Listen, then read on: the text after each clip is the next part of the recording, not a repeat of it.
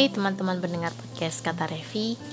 Hari ini saya akan membahas mengenai bagaimana caranya mengelola banyak proyek penulisan ketika kamu juga seorang pekerja sibuk atau memang sedang load kerjaannya selain menulis itu tinggi banget. Karena kita kadang-kadang yang namanya proyek itu kan eh, nggak uh, bisa kita atur ya deadline-nya jadi, kalau kamu memang sudah berkomitmen menjadi seorang freelance writer profesional, kemampuan untuk mengelola proyek uh, yang lebih dari satu itu sangat kamu butuhkan. Gimana caranya? Dengerin terus podcast Kata Revi hingga selesai dan juga jangan lupa follow Instagram Kata Revi at kata underscore r e f f i.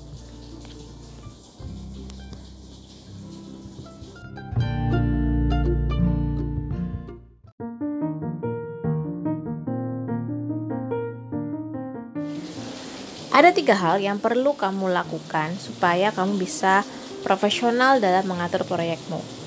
Seperti yang kita ketahui, entah kamu menjadi freelance writer sambilan seperti saya yang masih ada pekerjaan utama, atau kamu sudah benar-benar mengantukkan hidup dari menulis, kamu perlu melakukan tiga hal ini. Yang nomor satu, manfaatkan penyimpanan awan atau cloud. Ini penting banget buat kalian yang sekarang memang sudah menyebut dirinya sebagai seorang freelance writer. Jangan sampai kamu freelance writer tapi tidak memaksimalkan teknologi yang ada. Apa aja sih maksudnya? Ya, seperti contohnya kamu harus memanfaatkan Google Drive atau mungkin kamu menggunakan aplikasi Evernote atau yang saya suka sekarang Notion aplikasi-aplikasi atau tools online yang menggunakan penyimpanan awan atau cloud ini sangat bermanfaat untuk menyimpan secara real time semua proyek yang sedang kamu kerjakan.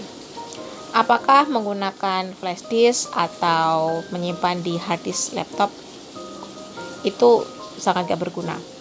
Ya it's okay, tapi ini mencegah adanya gangguan saya pernah punya proyek gitu ya dari beberapa klien lalu saya taruh di flash disk. Ternyata flash disknya error. Akhirnya saya nggak punya salinan. Berikutnya saya juga pernah pakai laptop ternyata di tengah-tengah laptopnya kena virus. Jadi kalau misalnya kalian punya proyek uh, mulai dari brief dari klien kemudian proyek-proyek kepenulisan itu juga semuanya simpan di Google Drive. Dan selalu pisahkan namanya. Karena klienmu kan gak cuma satu nih. Satu klien menjadi satu drive yang sama. Misalnya kalau satu klien punya proyek yang berbeda-beda ya udah bikin sub folder lagi di dalamnya.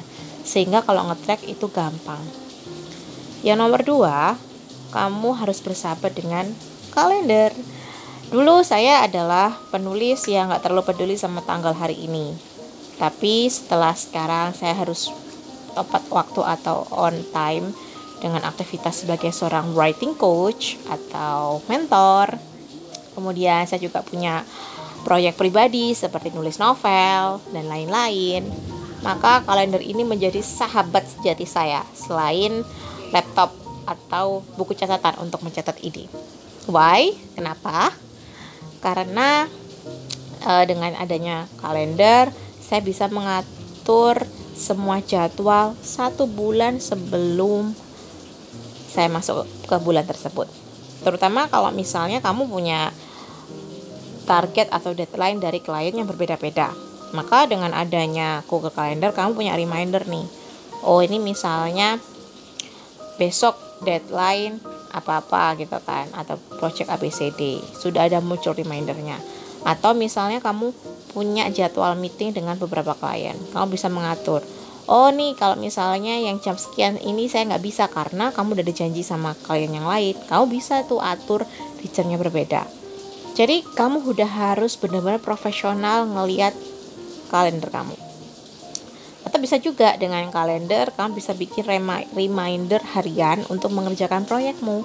Misalnya kamu punya proyek satu minggu. Jadi selama satu minggu itu di jam yang sama kamu punya reminder untuk mengerjakan sesuatu misalnya kamu lagi scrolling scrolling medsos dan lupa kalau kamu harusnya sedang menyicil tugas menulis lalu muncul nih notifikasi yang langsung uh, apa ya tayang gitu ya di layar smartphone kalian. Kamu jadi ingat oh ya aku harus ngerjain tugas menulis untuk klien A misalnya.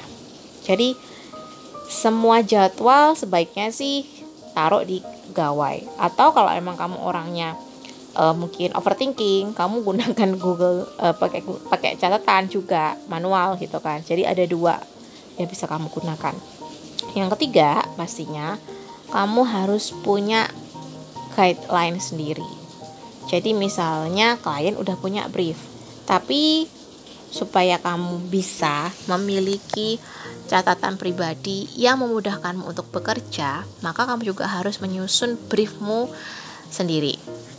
Contohnya seperti ini, kamu punya project copywriting untuk klien 1 dan 2. Klien 1 itu dia butuh copywriting dengan tone bahasa atau diksi yang mungkin untuk milenial. Sementara yang kedua itu untuk Gen Z. Jadi kayak bahasanya lebih banyak bahasa slangnya. Kalau misalnya kamu lagi banyak project dalam satu bulan, bisa aja nih kalau kamu nggak punya catatan pribadi, kamu harus berkali-kali membaca brief dari klien yang kadang-kadang bisa sampai dua halaman kecil-kecil. Kebanyakan brief yang dibikin sama klien itu sangat banyak ya kan. Nah ini kalau saya nih biasanya saya bikin catatan pribadi untuk menyederhanakan uh, apa yang dimau klien kemudian saya juga buat panduan buat diri saya sendiri.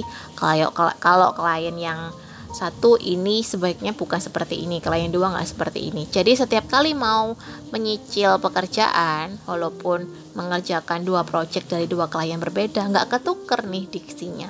Dan saya juga bisa lebih mudah untuk tune in atau konsentrasi sama proyek tersebut meskipun deadline-nya berdekatan. Gimana sudah paham nggak soal bagaimana manajemen proyek untuk kamu sebagai seorang freelance writer?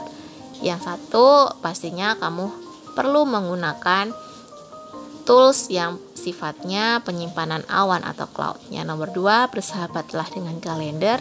Dan yang nomor tiga, kamu punya catatan sendiri atau guideline untuk dirimu sendiri tentang masing-masing project sehingga kamu bisa fokus dengan cepat ketika mengerjakan proyek tertentu.